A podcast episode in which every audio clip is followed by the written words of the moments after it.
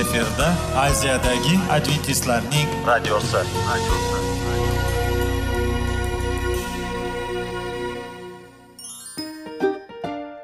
assalomu alaykum radio tinglovchimiz dasturimizga xush kelibsiz va bizni tinglayotganingizga sizdan judayam minnatdormiz bugungi bizning dasturimizning nomi sog'liq daqiqasi deb ataladi va biz sizlarga bu dasturda mevalarning foydasi haqida so'zlab bermoqchimiz ya'ni uning tarkibi uning tarixini va foydali xususiyatlari haqida.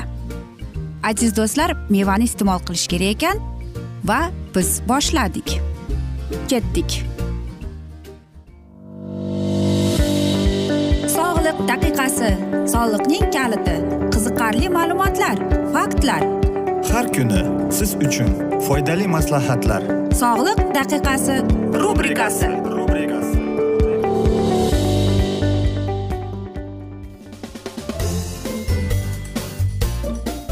assalomu alaykum aziz radio tinglovchilar. Dasturimizga xush kelibsiz. Va biz sizlar bilan tana va sog'liq degan dasturda xushvaqt bo'ling deb aytamiz. Va bugungi bizning dasturimiz parodontin deb nomlanadi. Ya'ni aytingchi aziz do'stlar tish siz tish yuvayotganingizda milklarning qonashiga e'tibor berganmisiz? Lekin siz doktorga borganingizda u sizga tishdagi bo'lgan e, mana shunday narsani olib tashlashni aytganmi? Albatta siz aytasiz bu mayda chuyda gap deb. Yo'q aziz do'stlar. Agar sizning milklaringiz qonasa demak bu sizning eng asosiy kasallikning e, bir belgisidir. Shuning uchun ham siz aytasiz bu kasallik qayerdan kelib chiqadi? Uning sabablari nima deb? Qanday qilib uni oldini olishimiz mumkin deb? Va bugungi bizning dasturimiz aynan mana shunday. Ko'pchilik tish yuvayotgan paytda milklarning qonashiga uncha ahamiyat bermaydi. Vaholanki aynan ana shu holatdan keyin og'izdan hid kelishdan tortib tish bo'shab qolishi va tushishgacha bo'lgan asoratlar yuz beradi. Buning sabablari ayomi degan savollar kelib chiqadi. Albatta milk qonashning sabablari bisyor. Eng ko'p e, tarqalgani tish cho'tkaning ta'sirida kelib chiqishidir. Usti chiroyli ammo tuklari qo'pol cho'tkada milklar albatta aziyat ko'radi. Bu davomiy bo'lsa milk qonashi va bo'shab qolish kabi asoratlarning kutavering. Tish cho'tkasini tanlashda stomatolog maslahatiga tayanish kerak. Cho'tkaning tuklari yumshoq o'zi uncha yirik va katta bo'lmasligi maqsadga muvofiq bo'ladi. Tish ustida tosh paydo bo'ldimi milkda muammo yuzaga kelishini ham inobatga olish kerak ekan. Bundan tashqari gormonal buzilishlar o'smirlarda homiladorlarda va yangi tuqqan ayollarda ham milk qonashi ko'p kuzatiladi. Bu yerda nafaqat stomatolog balki endokrinolog yordami kerak bo'lib qoladi. Keling bir sinov o'tkazib ko'ring.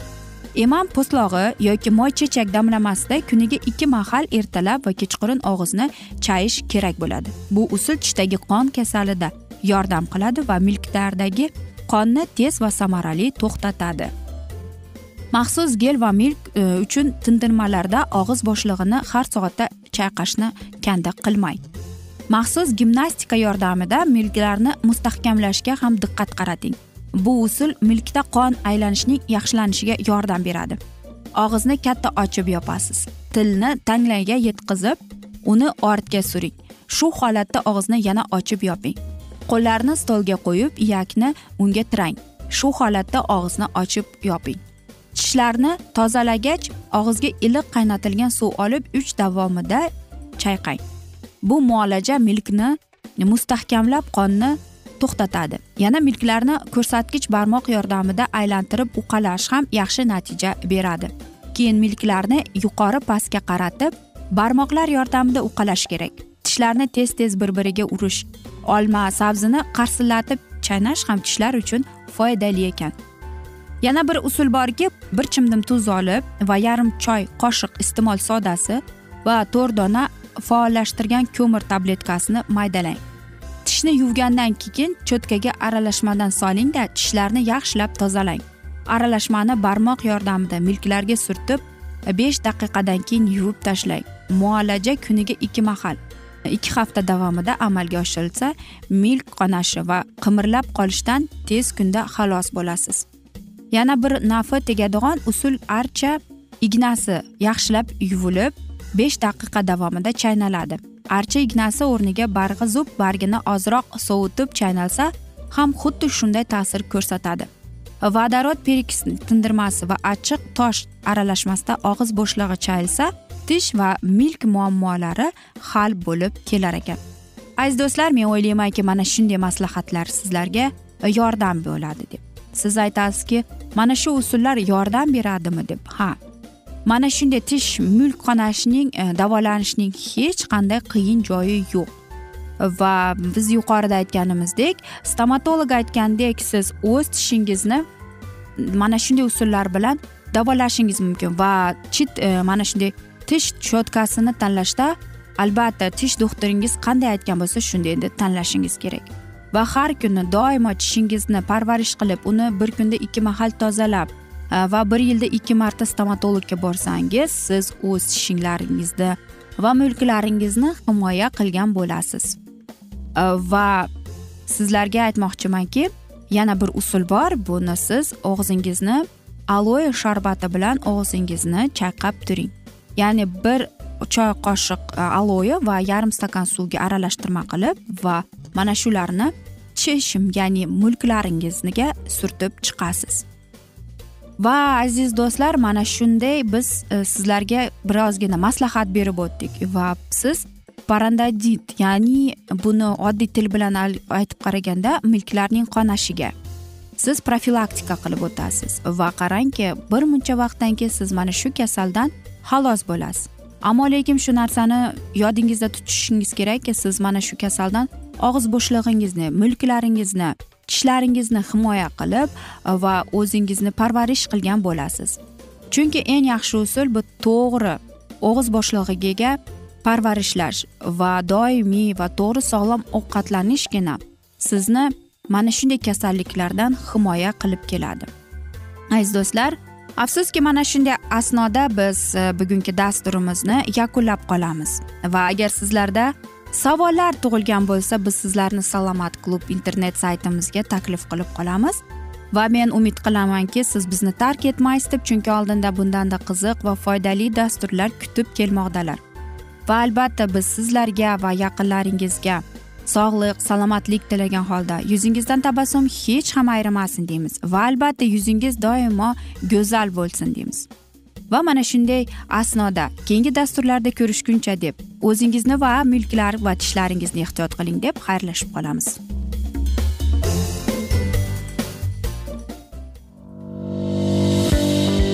Sog'liq daqiqasi soliqning kaliti qiziqarli ma'lumotlar faktlar har kuni siz uchun foydali maslahatlar. Sog'liq daqiqasi rubrikasi.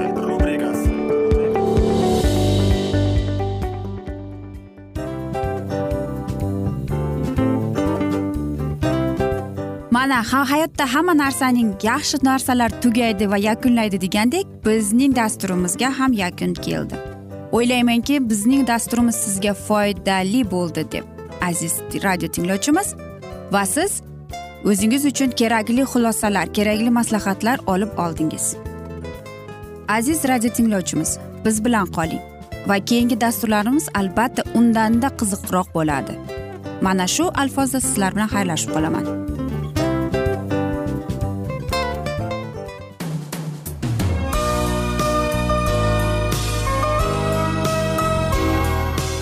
Efirda aziyadagi adventistlarning radiosi. radiosi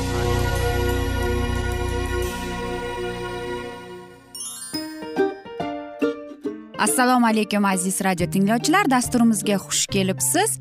Va sizlarni bugun biz munosabatlar haqida sizlar bilan suhbat qurmoqchimiz. Ya'ni ikki sevishganlar to'g'risida yoki er xotinning o'rtasida bo'lgan munosabatlar haqida. Masalan yigit qizni qanday sevish kerak? Er xotinni qanday sevish kerak? Xotin erini qanday sevish kerak? Qanday munosabatda bo'lish kerak ular bir biriga mana shunday haqida bizning mavzuyimiz.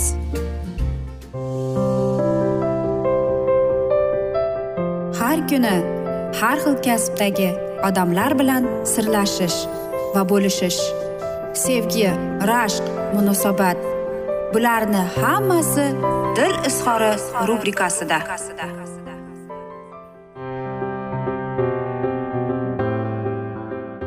Assalomu alaykum aziz radio tinglovchilar. Dasturimizga xush kelibsiz va biz sizlar bilan erkaklar marsdan ayollar veneradan degan dasturda xush vaqt bo'ling deb aytamiz.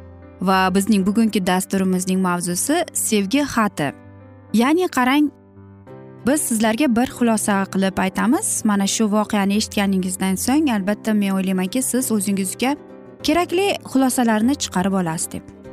Er xotin ya'ni aytaylik nargiz sherzod deylik taxminan.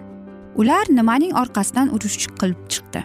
Pulning orqasidan janjal bo'ladi va oxir oqibat sherzod bir narsani sezib qoldiki u baqiriqqa o'tib kelyapti va u indamay birdaniga jim bo'lib qolib aytdi menga birozgina vaqt bergin men hamma narsani o'ylab ko'rishim kerak va keyin biz yana mana shu mavzuga qaytamiz deydi va u boshqa xonaga kirib sevgi xatini yozadi.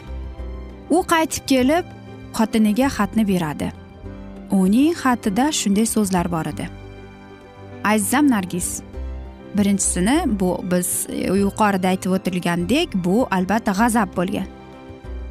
Meni g'azablantirgan narsa sen qanday mana shu narsaga munosabatda bo'lgan? Men hozirgador g'azablanyapman. Sen meni tushunmaysan va hattoki tinchlikni ham saqlab qolishga e, harakat ham qilmaysan bizning suhbatimiz davomida deydi. Va meni judayam g'azablantiradi. Sening judayam ko'nglingga yaqin olasan. Va men o'zimdan qachonki chiqaman sen menga ishonmaysan va menidan uzoqlashtirasan deydi.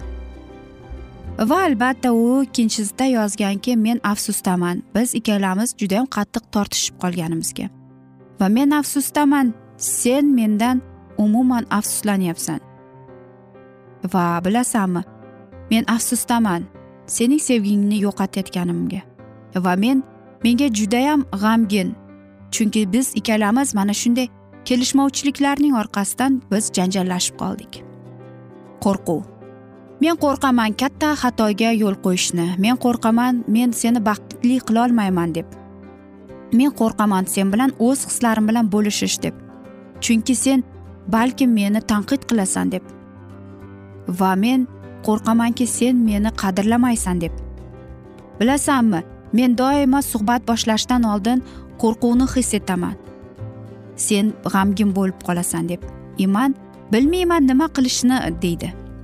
Va albatta to'rtinchisida shunday degan ekan. Bu pushaymonlik meni kechir seni xafa qilganimga. Meni kechir sen bilan rozi bo'lmaganimga. Sendan kechirim so'raymanki men o'zimning sovuq munosabatimga. Meni kechir. Men sen bilan sening fikrlaring bilan qarshi chiqqanimga deydi. Meni kechir. Men shunday shoshilinch shunday narsani qilganimga deydi.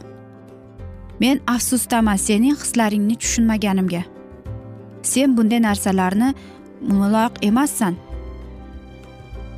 Meni kechir seni tanqid qilganligim uchun deb. Va beshinchisida bu sevgi. Men seni sevaman va buni isbotlamoqchiman. Bilasanmi men endi seni hislaringni eshitishim mumkin. Men seni qo'llab quvvatlagim keladi. Bilaman men sening hislaringga poymol qildim. Meni kechir. Men o'zimni noto'g'ri seni tushunibman deydi. Men haqiqatdan ham chin ko'ngildan seni sevaman.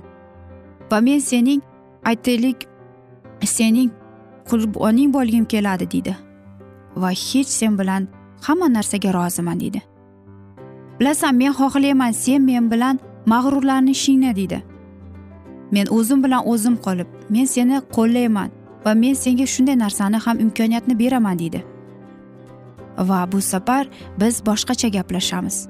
Men sabrli bo'laman va seni tushunishga harakat qilaman deydi sen shunga loyiqsan deydi men seni sevaman deb xatni yakunlaydi. Va oxirida shunday yozgan ekan. Javobga esa men shunday narsani eshitgim keladi. Men seni sevaman va sendagi bor hislaringni men qadrlayman deb. Va men ishonaman biz barcha qiyinchiliklarimiz bilan birga o'tamiz deb. Albatta biz aytamiz qanday qilib bu e, narsalar bizni yaxshilikka olib keladi deb. Albatta siz aytasiz qanday qilib javob? Ya'ni mana shu xatlarni yozganingizdan so'ng siz javob berasiz. Qanday qilib deysizmi? Bu oddiy. Ya'ni rahmat senga aytaylik ertalab menga qahva yoki choy damlaganing uchun. Men tushunyapman senga og'ir yoki hokazo narsalarni. Sen shunga loyiqsan. Men shuni xohlayman yoki men seni men sevamanki va mana shu so'zlarning oxirida sizlar siz nimani istaysiz? Va mana shu aytaylik sevgini sevgi xatlaridagi mana shunday bu javob bo'ladi. Qanchalik siz nimani xohlaysiz? Va siz o'zingizni xayolingizda keltirasizki qanday e, siz xat yozgan inson sizga bor sevgi va kuchi bilan sizga tushunib sizga javob yozayotganini ko'rasiz. Albatta siz aytasiz bu oson emas deb. Lekin siz mana shu narsalar e, xatning javoblari sizga judayam yordam beradi. Qanday siz nimani kutyapsiz va qanchalik sizning ichingizdagi ichki tuyg'ularingiz kuchli va bu sizga yordam beradiki tushunishga turmush o'rtog'ingizni qanchalik u mana shunday narsalarni qadrlab va bor issiq iliq hislarni saqlab qolishga harakat qilayotganini siz saqlab qolasiz. Albatta biz aytamizki nega bunday bo'lyapti deb ba'zilarda bo'ladi. Lekin qarangki bu xatlarning javoblari esa juda bir ajoyib usul ekan. Ya'ni erkaklarimizga tushuntirishga biz ayollarimiz nimaga muhtojligini. Aziz do'stlar qarang mana shunday bir sevgining sevgi xatlarining ham javoblari bor ekan. E, lekin mana shu biz javobni yozayotganimizda yoki kutayotganimizda biz nimani tasavvur qilamiz. Tasavvur qiling sizga sevgilingiz sizning xatingizga javob yozyapti. Qanchalik u ich bor ichidagi sevgi bor iliq hislar bilan sizga qandaydir bir e, ichida chiqayotgan sevgisi to'la hislar bilan sizga xat yozyapti. Aziz do'stlar va men o'ylaymanki siz o'zingizning sevgi xatingizning javobini oldingiz deb. Va mana shunday asnoda aziz do'stlar bugungi dasturimni afsuski yakunlab qolamiz chunki dasturimizga biroz vaqtgin chetlatilgan. Ammo lekin keyingi dasturlarda albatta mana shu mavzuni yana o'qib eshittiramiz. Va biz umid qilamizki bizni tark etmaysiz chunki oldinda bundanda qiziq va foydali dasturlar kutib kelmoqda. Va albatta biz sizlarga va oilangizga tinchlik totuvlik tilagan holda yuzingizdan tabassum hech ham ayrimasin deb seving seviling deb omon qoling deymiz.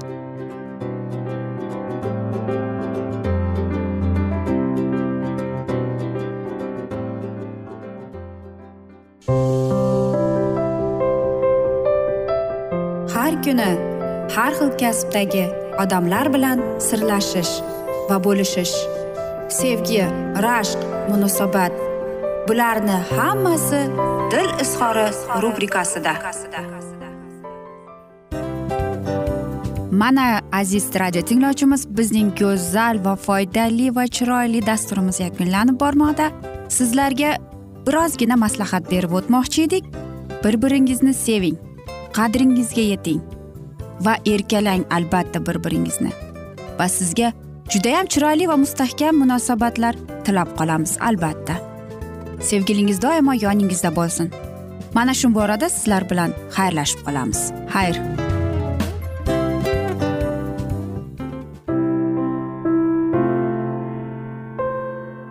Hayotning noni.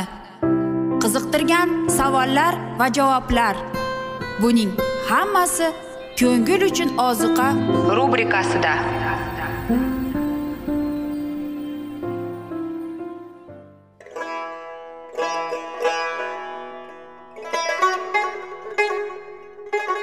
Assalomu alaykum aziz va qadrdon radio tinglovchimiz. Dasturimizga xush kelibsiz. Bizni tanlaganingizga sizdan minnatdormiz. Va keyingi bizning e, mavzuyimiz diniy masalasiga kelib chiqadi. Albatta hayot davomida bizni ko'plab qiziqtirgan savollar bordir. Va mana shu savollarga qayerdan javob olsam ekan deb o'ylanib chiqamiz. Yoki hayotning ma'nosi nimada deb o'ylanamiz. Mana shunday dasturlar o'ylaymanki siz sizga foyda bo'ladi deb. Aziz do'stlar e, bugungi bizning mavzuyimizning nomi vahiy kitobning ochilishi. Ya'ni bu muqaddas kitobda shunday deb yozilgan. Vahiy kitobning bizga bo'lgan buyuk sovg'asi deb. Albatta mana shunday kitobni eshitib quloq solib e'tiborli bo'lsak biz o'zimizning qiziqtirgan hayotning ma'nosini tushuntirgan bizni kelajakda nima kutayotganini mana shu kitobdan bilib olamiz albatta. Va xudoyim bizga qanday rejalar ochgan bizga qanday kelajak kutayotganini aynan mana shu kitobda yozilgan va bizga mana shu kitob orqali xudoyim bizga aytib bergan. Keling aziz do'stlar mana shu kitobni e'tiborli va yaxshilab quloq solib va chuqurroq nazar solaylik shu muqaddas kitobga. Assalomu alaykum aziz radio tinglovchilar. Dasturimizga xush kelibsiz va biz sizlar bilan ulug' kurash degan kitobni o'qib eshittirayotgan edik. Va bizning bugungi dasturimizning mavzusi umid darakchisi deb nomlanadi va biz sizlar bilan o'tgan galgi mavzuni bugun davom ettiramiz. Yahudiylar uchun ajratilgan yetmish karra yetti yoki to'rt yuz to'qson yil biz ko'rib turganimizdek miloddan oldingi o'ttiz to'rt yilni tugatildi. Ana shu vaqtda yahudiy sinderion qaroriga binoan xalq injil xushxabarni inqor etdi. Stefan toshbo'ron qilinib jon berdi va endilikda masihning izdoshlariga qarshi quvg'inlar boshlandi. Shundan so'ng najot xushxabari yahudiy jamoatlaridan tashqariga chiqib butun olam o'zra e'lon qilina boshladi. Taqiblarga uchragan shogirdlar qudusni tark etdilar. Har yerda yurib injil xushxabarni targ'ib qildilar. Shunday qilib filip samariya shahriga keladi va uning ahliga masihni targ'ib qiladi.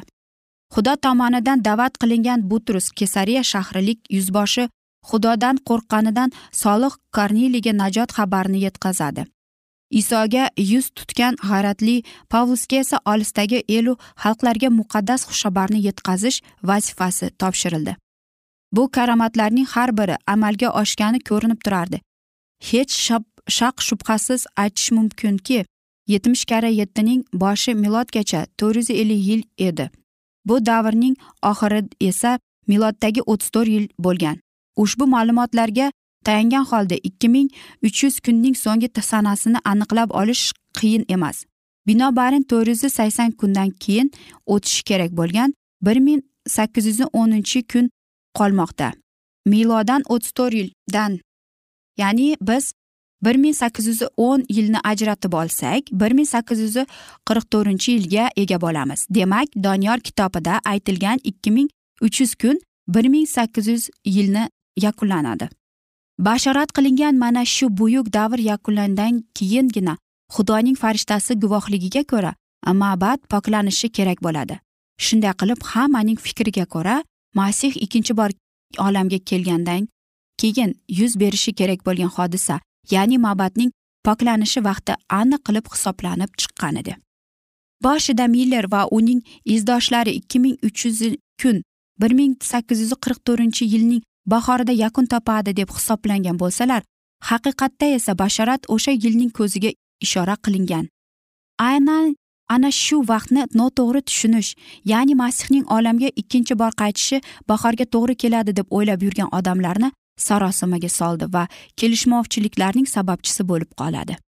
Biroq bu holat ikki ming uch yuz kunni bir ming sakkiz yuz qirq to'rtinchi yilda yakunlashi haqidagi haqiqatga va mabadning poklanishi bilan bog'liq bo'lgan hodisaga aslo ta'sir ko'rsatmaydi. Muqaddas bitik haqiqatdan ham xudoning vahiysi ekanligiga ishonch hosil qilish maqsadida uni o'rganishi boshlangan miller qanday natijalarga kelishi mumkinligini hattoki xayoliga ham keltirmagan. O'z tadqiqotlarining natijalariga o'zi ham arang ishonardi. Biroq muqaddas bitiklarning dalil isbotlari shunchalik aniq va ishonchli ediki ularni mensimaslikning ilojisi yo'q edi. Muqaddas kitobni o'rganish uchun u ikki yil umrini bag'ishladi va bir ming sakkiz yuz o'n sakkizinchi yili ajoyib tantanali xulosaga chiqardiki o'z xalqini qutqarish uchun yigirma besh yildan keyin masih keladi. Buyuk kelajak haqida o'ylaganimda deb yozadi miller mening qalbimni to'ldirgan xursandchilik najot topganlarning quvonchini baham ko'rish istagi naqadar buyuk ekanligini gapirishning hojati yo'q. Hozirda muqaddas kitob menga yangidan ochildi. Bu chindan ham aql idrokning tantanasi edi. Oldiniga uning ta'limotiga men menga tushunarsiz maxfiy va noxush bo'lib ko'ringan hamma narsa uning muqaddas sahifalaridan taralayotgan nur ta'sirida tarqalib ketardi. Eh voh qanday haqiqat menga naqadar yorug' va ajoyib tarzda namoyon bo'ldi. Avvallari menga duch kelgan turlicha farq va ziddiyatlar tamomila yo'q bo'ldi. Garchi hali ham to'liq ocha olmagan haqiqatlar mavjud bo'lsa albatta ularga yetishishga harakat qilmasamda bu muqaddas kitob sahifalaridan men tomon yorug' nur taratildi. G'amkin idroqimni shu qadar yoritib yubordiki men oldinlari hattoki o'zim orzu qila olmagan hayrat va xursandchilikka ega bo'ldim. Bitiklarda bashorat qilingan muhim hodisalar tez orada albatta amalga oshirishga qat'iy ishongan holda men bu dunyo oldida o'zimning burchim as haqida astoydil o'ylanar edim.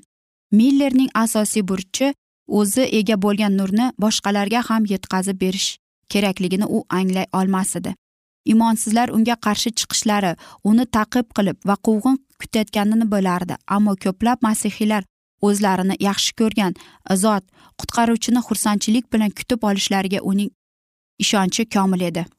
Mo'jizaviy tarzda qutqaruvchining yaqinlashib qolgani xursandchilikka berilgan berilib ketgan xalq xudoning kalomi haqiqatlarini tegishlaricha ravishda qabul qilmay turib uning chin ekanligiga to'liq ishonmagan holda bu ta'limotni qabul qilib olishlaridan miller xavfsirar edi va buni va bu uni tashvishga solib qo'ydi.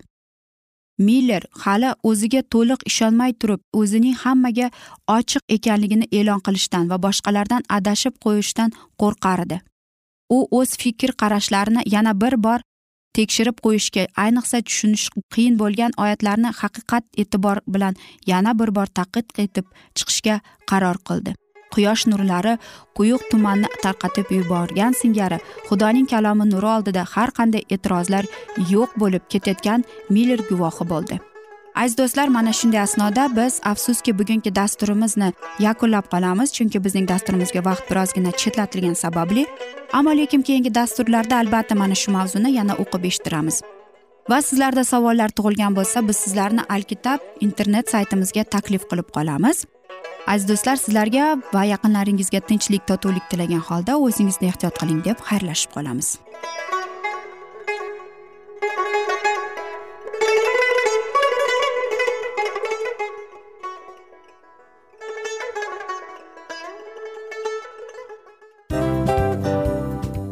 Aziz radio tinglovchimiz hamma yaxshi narsaning yakuni bo'ladi degandek bizning ham dasturlarimiz yakunlanib qolmoqda. Aziz do'stlar o'ylaymanki bizning dasturlarimiz sizlar uchun judayam foydali bo'ldi deb bizning dasturlarimizdan siz o'zingizga foydali va judayam kerakli maslahatlar oldingiz deb. Masalan sog'liq borasida. Biz sizlarga sog'liq tilaymiz albatta lekin bizning maslahatlarimizga ham amal qilishga unutmang.